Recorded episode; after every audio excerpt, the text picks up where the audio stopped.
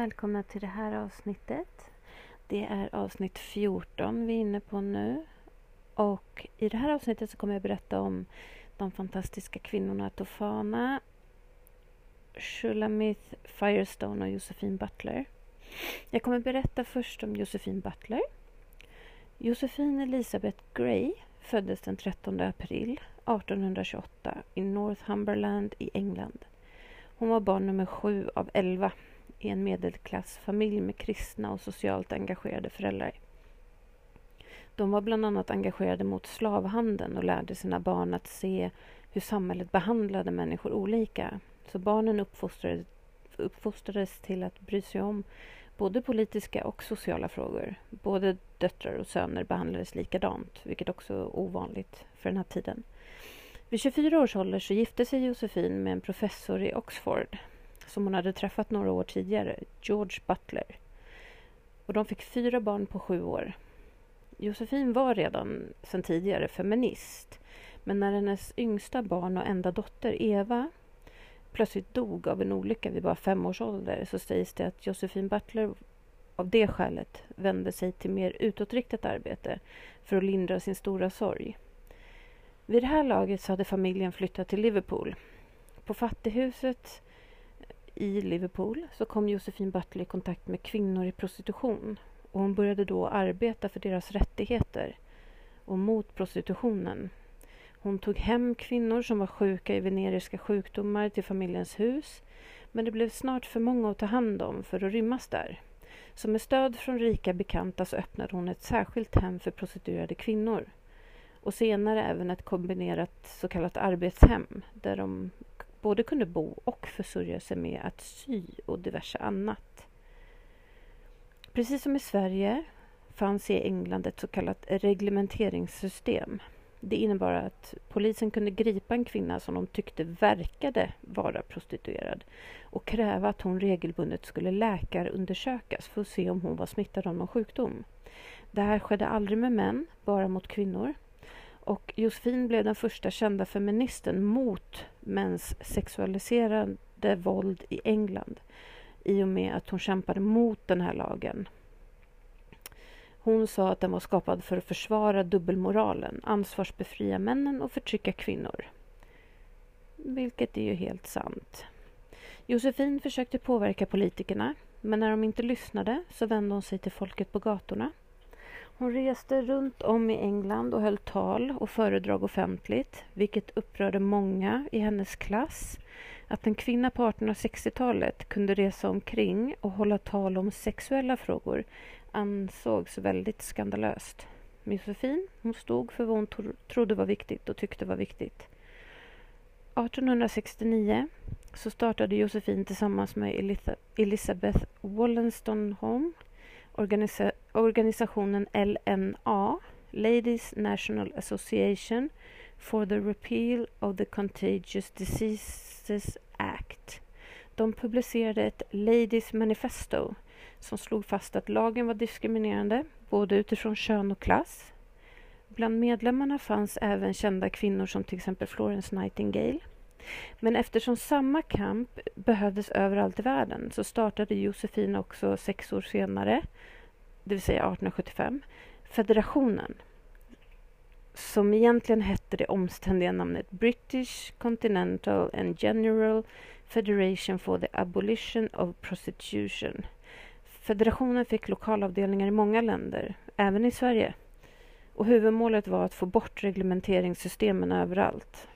Och för att påminna då, de här reglementeringssystemen innebar att polisen när som helst fick gripa kvinnor de tyckte verkade prostituerade och kräva att de skulle läkarundersökas regelbundet för att se att de inte hade några sjukdomar. Kvinnors rösträtt var en annan sak som Josefin stred för. Hon var en av de första undertecknarna i NSWS upprop för rösträtt för kvinnor redan 1867. Så de kämpade länge för att få igenom kvinnlig rösträtt.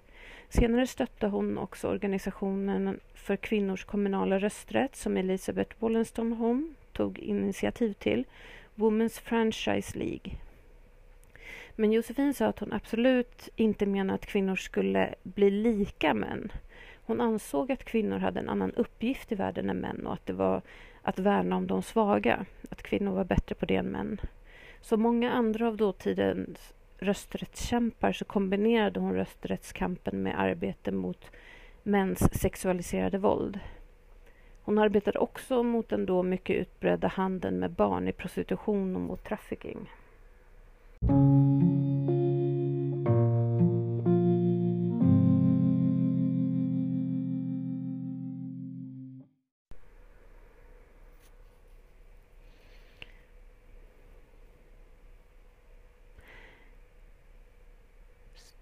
Josefin blev oerhört förföljd för sitt arbete mot prostitutionen.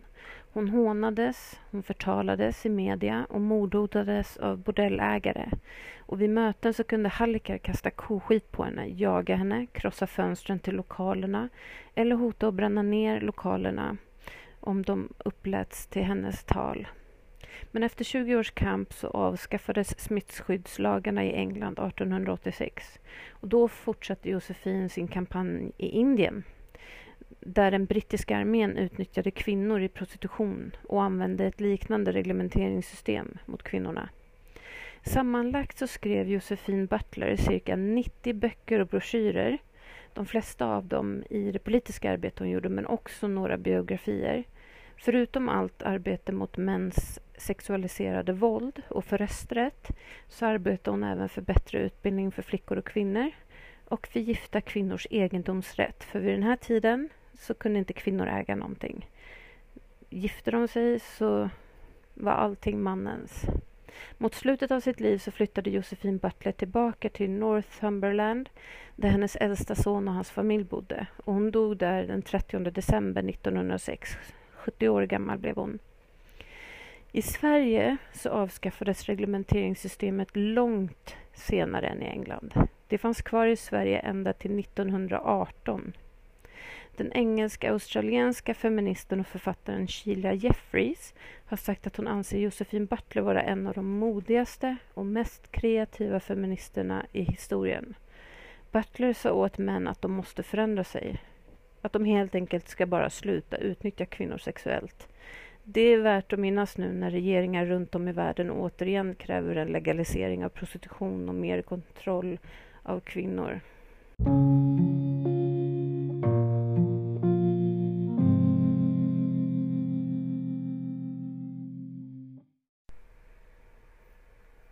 Och nu så tänkte jag berätta lite om, och jag ber om ursäkt för uttrycket Eh, uttalet, Shulamith Firestone jag kommer kalla henne Julie, eh, för det kallades hon också. Hon föddes den 7 januari 1945 och levde till den 28 augusti 2012. Hon var en kanadensisk-amerikansk radikal feminist, författare och aktivist.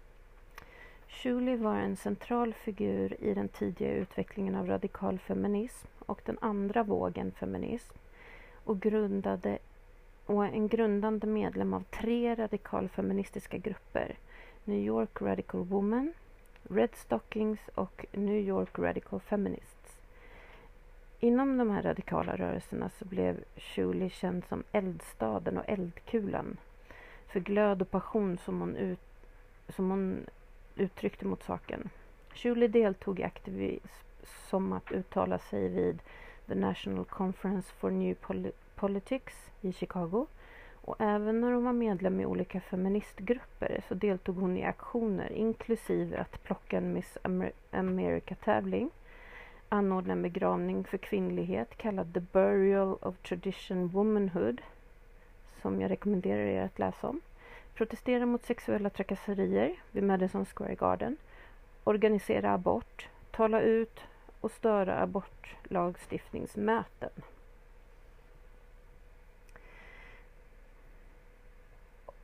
Hon har ett anmärkningsvärt arbete, Dialekti Dialektiken av sex. Och som sagt då var hon en radikal feminism. År 1970 så skrev hon The Dialectic of Sex, The Case for Feminist Revolution. Boken publicerades i september samma år och blev en inflytelserik feministisk text sexdialektik... Det var ett svårt ord. Sexdialektiken och de idéer som presenterades inom den blev viktiga i både cyberfeminism och xenofeminism eftersom hennes idéer var en föregångare för andra ämnen angående teknik och kön.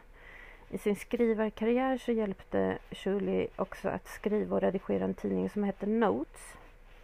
Hennes slutliga skrift var Airless Spaces skriven 1998 och bestod av noveller som alla relaterade till hennes erfarenhet av psykisk sjukdom och schizofreni. Det finns en dokumentär som heter Julie och den skapades och visar Firestone, alltså Julie, under sin tid som student. Den beskriver hennes resa mot att bli en feministisk figur och en viktig författare. Den ursprungliga dokumentären med Julie släpptes aldrig, men en rekreation av den var. Julie kämpade med schizofreni efter sin pension, pensioner, pensionering ursäkta, från aktivism och led av sjukdomen fram till hennes död 2012. Och hon föddes alltså Shulamith Bad Schmöll Ben Ari Furstein och det är jättedåligt uttal, jag vet, i Kanada 1945. Hon var den andra av sex barn och den första dottern till den ortodoxa judiska föräldrarna Kate som var en tysk jude som flydde från förintelsen och Saul Feuerstein, Feuerstein ja, jag kan inte uttala, jag är ledsen, som var en Brooklyn-säljare. I april 1945, när Firestone var fyra månader gammal, så deltog hennes far i befrielsen av koncentrationslägret Bergen-Belsen i Tyskland. Och när hon var liten anglikiserade familjen deras efternamn till Firestone och flyttade till St. Louis i Missouri. Hennes far hade blivit ortodox när han var tonåring och enligt Susan Faludi utövade han tät kontroll över sina barn med en omvänd nit. En av hennes systrar, Tirsa Firestone, sa till Faludi Min far kastade sin ilska mot Julie. Hon, skänk, hon skänkte mot... Det var lite fel uttalat, jag ber om ursäkt. Hon förväntades att till exempel bädda hennes brors säng för att du är kär. För att du är kär. För att du är en tjej, sa hennes far till henne, men hon vägrade då. Och Laia, en annan syster, kommer ihåg att far och dotter Hoto dödade varandra. Så de hade inte en helt lugn relation. Shulis mor beskrevs av sin syster Tirsa som en passiv syn på kvinnlighet som styrdes av vad hon betraktades som, vad judiska kvinnor gör. Jag vet inte riktigt vad hon menar med det, men, men dåtidens kvinnor i regel var rätt passiva mot männens beteende i relationer. Så jag tror inte att det har bara med det judiska eh, den judiska delen i deras liv. Julie del, deltog i Tel Yeshiva nära Cleveland. Hon gick sen på Washington University i St. Louis och fick en examen i måleri från School of the Art Institute of Chicago. I Chicago startade hon sin första Women's Liberation Group som hon nämnde Westside. Julie ansågs vara en radikal feminist för att hon trodde att förtrycket av kvinnor är direkt relaterat till det patriarkala västerländska samhället. Hon påverkades också starkt av socialismen och arbetet av Karl Marx och Frederick E. Engels. Och i The Dialectic of Sex, The Case for Feminist Revolution så säger hon feminister måste ifrågasätta inte bara hela västerländska kulturen utan själva kulturen och vidare även organisationen av naturen. En av hennes radikala övertygelser var att hon trodde att kvinnors förtryck agerades genom kontroll över kvinnors kroppar. Hon menar också att vi bör investera i avancerad teknik för att befria kvinnor från förlossningen. Hennes perspektiv kring förlossningen stämmer överens med den radikala feministiska tanken vid den tiden. Hennes perspektiv i The Dialectic of Sex kan också ses som en föregångare till cyberfeminism. Dessutom betraktades hennes handlingar som eh, en del av olika feministgrupper som radikala eftersom de tog upp frågor kring kvinnors liv som inte diskuterades, särskilt inte av kvinnor. Några av de här ämnena inkluderade kvinnlig orgasm och abort. Vid 22 års ålder så deltog Julie deltog Shirley tillsammans med nästan 2000 andra unga aktivister vid National Conference for New Pol Politics i Chicago. Här träffade hon Joe Freeman och de två delade en upprördhet som svar på avskedandet av kvinnofrågor vid konferensen. De två kvinnorna lade fram en resolution som krävde rättvisa, äktenskap och egendomslagar och fullständig kontroll av kvinnor av sina egna kroppar. Kvinnor fick höra att deras resolution inte var tillräckligt viktig för en golvdiskussion. De lyckades så småningom få sitt uttalade till slutet av dagordningen men det diskuterades inte någonting. Regissören William F. Pepper vägrade att känna igen många av kvinnorna som väntade på att tala. Och när fem kvinnor, inklusive Shirley, sprang fram till pallen för att protestera så klappade Pepper Shirley på huvudet och sa Kyl ner lilla flickan, cool down. Vi har viktigare saker att prata om än kvinnors problem. Kort därefter kallade Shirley och Freeman till ett möte som gick in i den första Chicagos kvinnliga befrielsegruppen det var känt som Westside-gruppen eftersom de träffades varje vecka i Freemans lägenhet på Chicagos västra sida. Därav Westside-gruppen. Efter några månader startade Freeman ett nyhetsbrev, Voice of the Women's Liberation Movement. Den cirkulerade rikstäckande och i några utländska länder. Och den gav den nya rörelsen ett, sitt namn. I oktober 1967, efter att ha bildat Westside-gruppen, så flyttade Shule till New York för att kunna fly från en fysiskt kränkande pojkvän. I ett opublicerat arbete så påminner Firestone om det missbruk hon utsatts för, inklusive att hon slog så hårt att en av hennes tänder slog ur sin plats. Så efter att ha flyttat till New York så hjälpte Shirley till att bilda New York Radical Woman, en tidig andra vågen feministisk, radikal feministisk grupp tillsammans med Robin Morgan, Carol Hanish och Pam Allen. Det var en av städernas första kvinnliga befrielsegrupp. Man skrev ett manifest som kallades New York Radical Women's Principles och i det manifestet så definierades deltagargruppen genom deras delade avvisning av historia uteslutande baserat på ett manligt perspektiv. Det som varför jag tar upp många kvinnor nu och det tog upp hur kvinnors historia hade förtryckts och alla som trodde på feminism borde arbeta tillsammans för att bekämpa det här förtrycket. Det vi gör i Sverige nu, är att vi försöker gå ihop allihopa. Jätteviktigt. Också tydligt inom principerna var gruppens övertygelse om att våld inte var en lämplig handling för att försöka skapa förändring. De ingöt också ett psykologprogram som ansågs radikalt. Programmet syftade till att lära kvinnor att se sig själva som mer starka, oberoende och självsäkra. Man trodde att kvinnor genom att göra detta inte bara skulle betraktas som underordnade män och att det kunde bekämpa kvinnors samhälleliga försämring.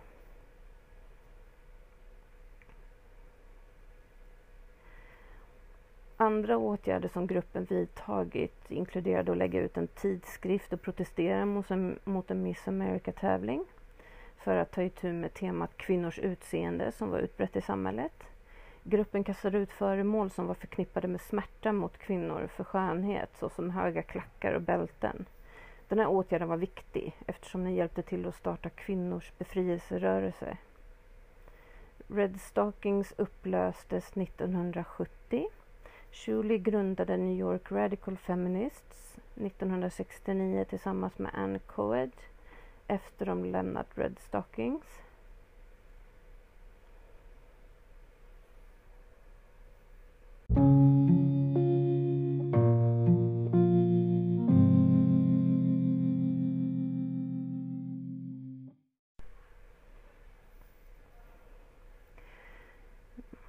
Ska vi se var jag var i texten någonstans. Jag ber om ursäkt. Shuley deltog i, deltog i många protester och politiska åtgärder angående feministiska frågor där hon, och organiserade till och med den första abortutläggningen. Uttagningen hölls i mars 1969 och bestod av 12 kvinnor. av vilka Julie hade övertygat om att dela sina personliga konton med frågan. De feministiska grupperna som Firestone, alltså Shuley, hade hjälpt till med att delta deltog också i protester och gatuföreställningar under deras existens. Några åtgärder innefattade störningar av abortlagar, samlingar på anläggningar som förbjöd kvinnlig närvaro utan manligt ackompanjemang. Kvinnorna deltog också i begravningen av traditionell kvinnlighet som ägde rum på Arlington National Cemetery 1968 där en begravning hölls för en dummyklädd, dock, alltså en docka klädd som en kvinna för att likna den vanliga hemmafrun. Och så begravde de den. Ytterligare åtgärder var att släppa möss i Madison Square Garden under en brudmässa. Eh, för att an, an, eller att manar på Wall Street för att uppmärksamma sexuella trakasserier. Ehm, med andra från New York Radical Feminist, så skapade och redigerade Julie en feministisk tidskrift Notes som producerade Notes from the first year, Notes from the second year och så vidare med Ann Coed som redaktör medan Julie var i ledighet. Anteckningar från det tredje året. Eh, Shuley använde anteckningar som en form av radikal feministisk propaganda som upplyste och utbildade kvinnliga läsare.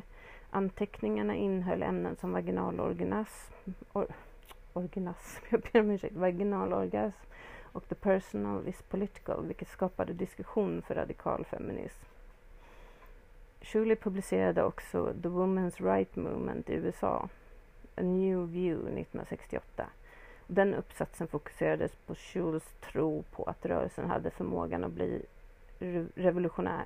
I sin uppsats så hävdar hon att kvinnliga, kvinnors rättighetsrörelse alltid varit radikal. Hon diskuterar suffragisterna från 1800-talet och använder till exempel exempel på kvinnor som tar på sig kyrkan, den vita manliga makten och den traditionella familjestrukturen. Hennes uppsats motverkar minimeringen av kvinnors kamp och förtrycket som kvinnor har kämpat för i många tider.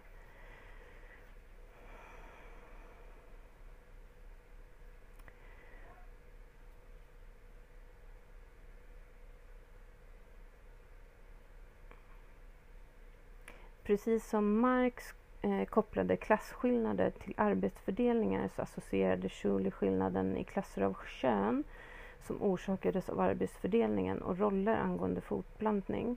Till skillnad från många andra feminister som hävdar att den kvinnliga existensen är en överlägs överlägsen art så accepterade Shuley bara fritt att det finns biologiska skillnader mellan män och kvinnor. Men hon gjorde det klart att de här skillnaderna även om de var verkliga, inte ska behandlas som en grund för fördomar eller överlägsenhet hos en grupp framför en annan. Hon insisterade också på att vara människa är att växa ur naturen och säger vi kan inte längre motivera upprätthållandet av ett diskriminerande sexklassystem på grund av dess ursprung i naturen. Avskaffandet av sexklassen kräver att kvinnor tar kontroll över reproduktionsmedlen. Hon betraktade graviditet och förlossning som barbariskt. En vän av henne jämförde förlossningsarbetet med att skita en pumpa och kärnfamiljen som en nyckelkälla till kvinnors förtryck. Preventivmedel och in vitro-befruktning och andra medicinska framsteg innebar att sex en dag skulle separeras från graviditet och barnfostran och kvinnor kunde vara fria. Hon hoppades dock att ta reproduktionen ett steg längre och separera den från kvinnokroppen. Hon uppmanade framväxten av en ny typ av konstgjord reproduktion kallas som kallades flaskan genom vilken kvinnor kunde befrias från hinder för förlossningen precis som män är. Även om min vitro är det närmaste alternativet vi har till ett sådant fenomen så har vi inte nått Schulis slutmål. Där kan man väl diskutera. Jag personligen älskade att vara gravid så jag skulle inte ha velat att missa det. Eh, kritiserar också den dynamik som finns mellan heterosexuell föräldraskap och barns utveckling. Hon hävdade att barn hindrades i deras förmåga att utvecklas på grund av sin utbildning, förutbestämda positioner i den sociala hierarkin och mindre vikt i jämförelse med vuxna i deras liv. Föräldrar kontrollerade dessa aspekter av sitt barns liv. Och det i sin tur, säger hon, har ökat moderns förväntningar och skyldigheter, vilket är något som Julie önskade att samhället skulle växa ur. Detta beroende av modefigurer som gör barnet mer mottaglig för fysiskt missbruk och berövar dem möjligheten att arbeta för att vara ekonomiskt oberoende eller ha ja, liknande. Eh, det var hennes vision att lösa alla problem genom att eliminera familjer för att uppfostra barn istället. Eh, få barn uppfostrade av ett kollektiv.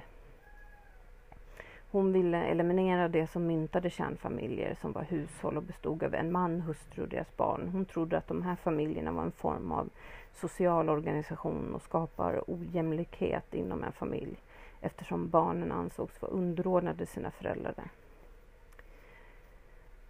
Eh, och hon, som sagt, drabbades ju tyvärr av schizofreni. Och i maj 1974 så kallades Julie hem till St. Louis, Louise efter nyheten om hennes bror Daniels död. Hon fick höra att han deltog i en bilkrasch men senare att den verkliga dödsorsaken var ett skott i brösten, bröstet. Um, och hennes brors uppenbara självmord skakade familjens judiska ortodoxa tro. Och hon började då drabbas av psykisk sjukdom. Hon vägrade att delta i sin brors begravning och uppgav att vare sig mord eller självmord, efterlivet eller ej, bidrog, in, bidrog till min egen växande galenskap. Den 28 augusti 2012 så hittades Julie död i sin lägenhet i New York och byggnadens ägare varnade av grannar som hade känt en lukt från hennes lägenhet så kikade de in från brandväggen, brandvägen. Förlåt. Eh, man såg hennes kropp på golvet i alla fall. Hon hade varit död i ungefär en vecka trodde de. Enligt sin syster Leia så dog hon av naturliga orsaker men på grund av sin familjs starka ortodoxa åsikter så gjordes det aldrig en obduktion för att bekräfta eller förneka svält som dödsorsak. Enligt rapporterna levde hon på ett tillbakadragande sätt och haft dålig hälsa. I en jubileumsuppsats av Susan Faludi som publicerades flera månader efter Shulis död så redogjorde tidningen The New Yorker omständigheterna för hennes bortgång och citerade hennes decennielånga kamp med schizofreni tillsammans med spekulationer om självinducerad svält som sannolikt bidragande faktorer.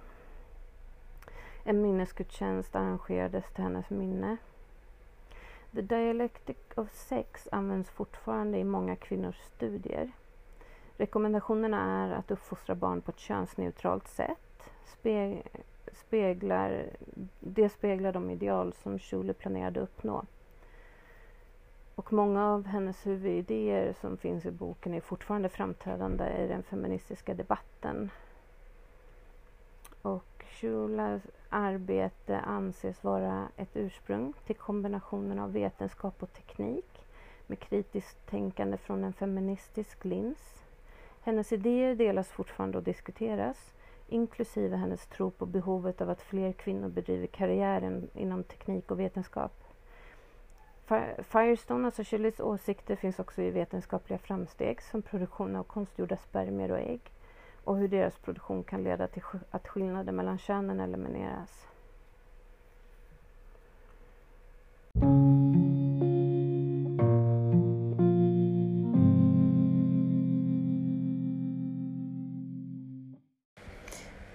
Nu ska jag berätta om den fantastiska kvinnan Tofana, Gilia Tofana. Hon dog i Rom i juni 1659. Hon var en professionell italiensk giftblandare. Jag vet inte om ni har hört talas om henne förut.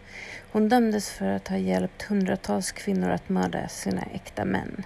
Hon uppfann giftet aquatofana som fått sitt namn efter henne. Gilia Tofana var antagligen dotter till Tofania da, Dam, Damo som avrättades i Palermo på Sicilien i 1633. Hon var anklagad för att ha mördat sin make Francesco. Hon ska ha lärt sig att blanda mediciner av apotekare och slutligen komponerat sitt eget gift, aquatofana. Det råder dock en viss osäkerhet om det var Gilia Tofana själv som utvecklat giftet eller om det var hennes mor som sedan lämnade receptet till henne. Hon började sälja det här giftet och flyttade snart sin verksamhet från Palermo till Neapel och slutligen till Rom. Gilia Tofana beskrivs som vacker och med en förståelse för kvinnors låga status och situation i samhället. Och hon blev känd som en medkännande rådgivare till kvinnor i svåra äktenskap. Hon sålde främst sitt gift till kvinnor som ville bli änkor. En del av kunderna köpte giftet med avsikt att döda. Andra kunder eh, skulle senare hävda att de köpte för, att, eh, för dess officiella syfte och orsakade dödsfall utan att de menade det. Även hennes dotter Girolama Spera var aktiv i verksamheten och blev känd som Astrologa della Lungara. Tofanas verksamhet avslöjades för de påvliga myndigheterna genom en kund. Hon blev dock förvarnad och lyckades söka asyl i en kyrka innan myndigheterna hann arrestera henne. Men då ett rykte om att hon hade förgiftat brunnarnas dricksvatten spreds i staden så tvingade sig dock polisen in i kyrkan och arrestera henne. Gilia Tofana avlade under tortyren bekännelse om att 600 män hade mördats med hennes gift i Rom mellan 1633 och 1651. Den här uppgiften kan dock inte bekräftas på grund av to tortyren hon utsattes för och giftets spridning. Gilia Tofana dömdes till döden och hon avrättades på Campo de Fiori i Rom tillsammans med sin dotter Girolama Spera och tre medhjälpare i juni 1959. Även en del av hennes kunder blev avrättade och ytterligare ett antal medhjälpare blev inmurade i fängelsehålorna i Palazzo Pucci. Det finns en faktuid om att hon avrättades i Neapel år 1719, men det stämmer inte. Legenden om att Mozart ska ha blivit förgiftad med aquatofana är fullständigt inkorrekt också. Men tänk, hörni, vilken kvinna. Nu är det här avsnittet slut, så vi hörs i nästa. Sköt om er.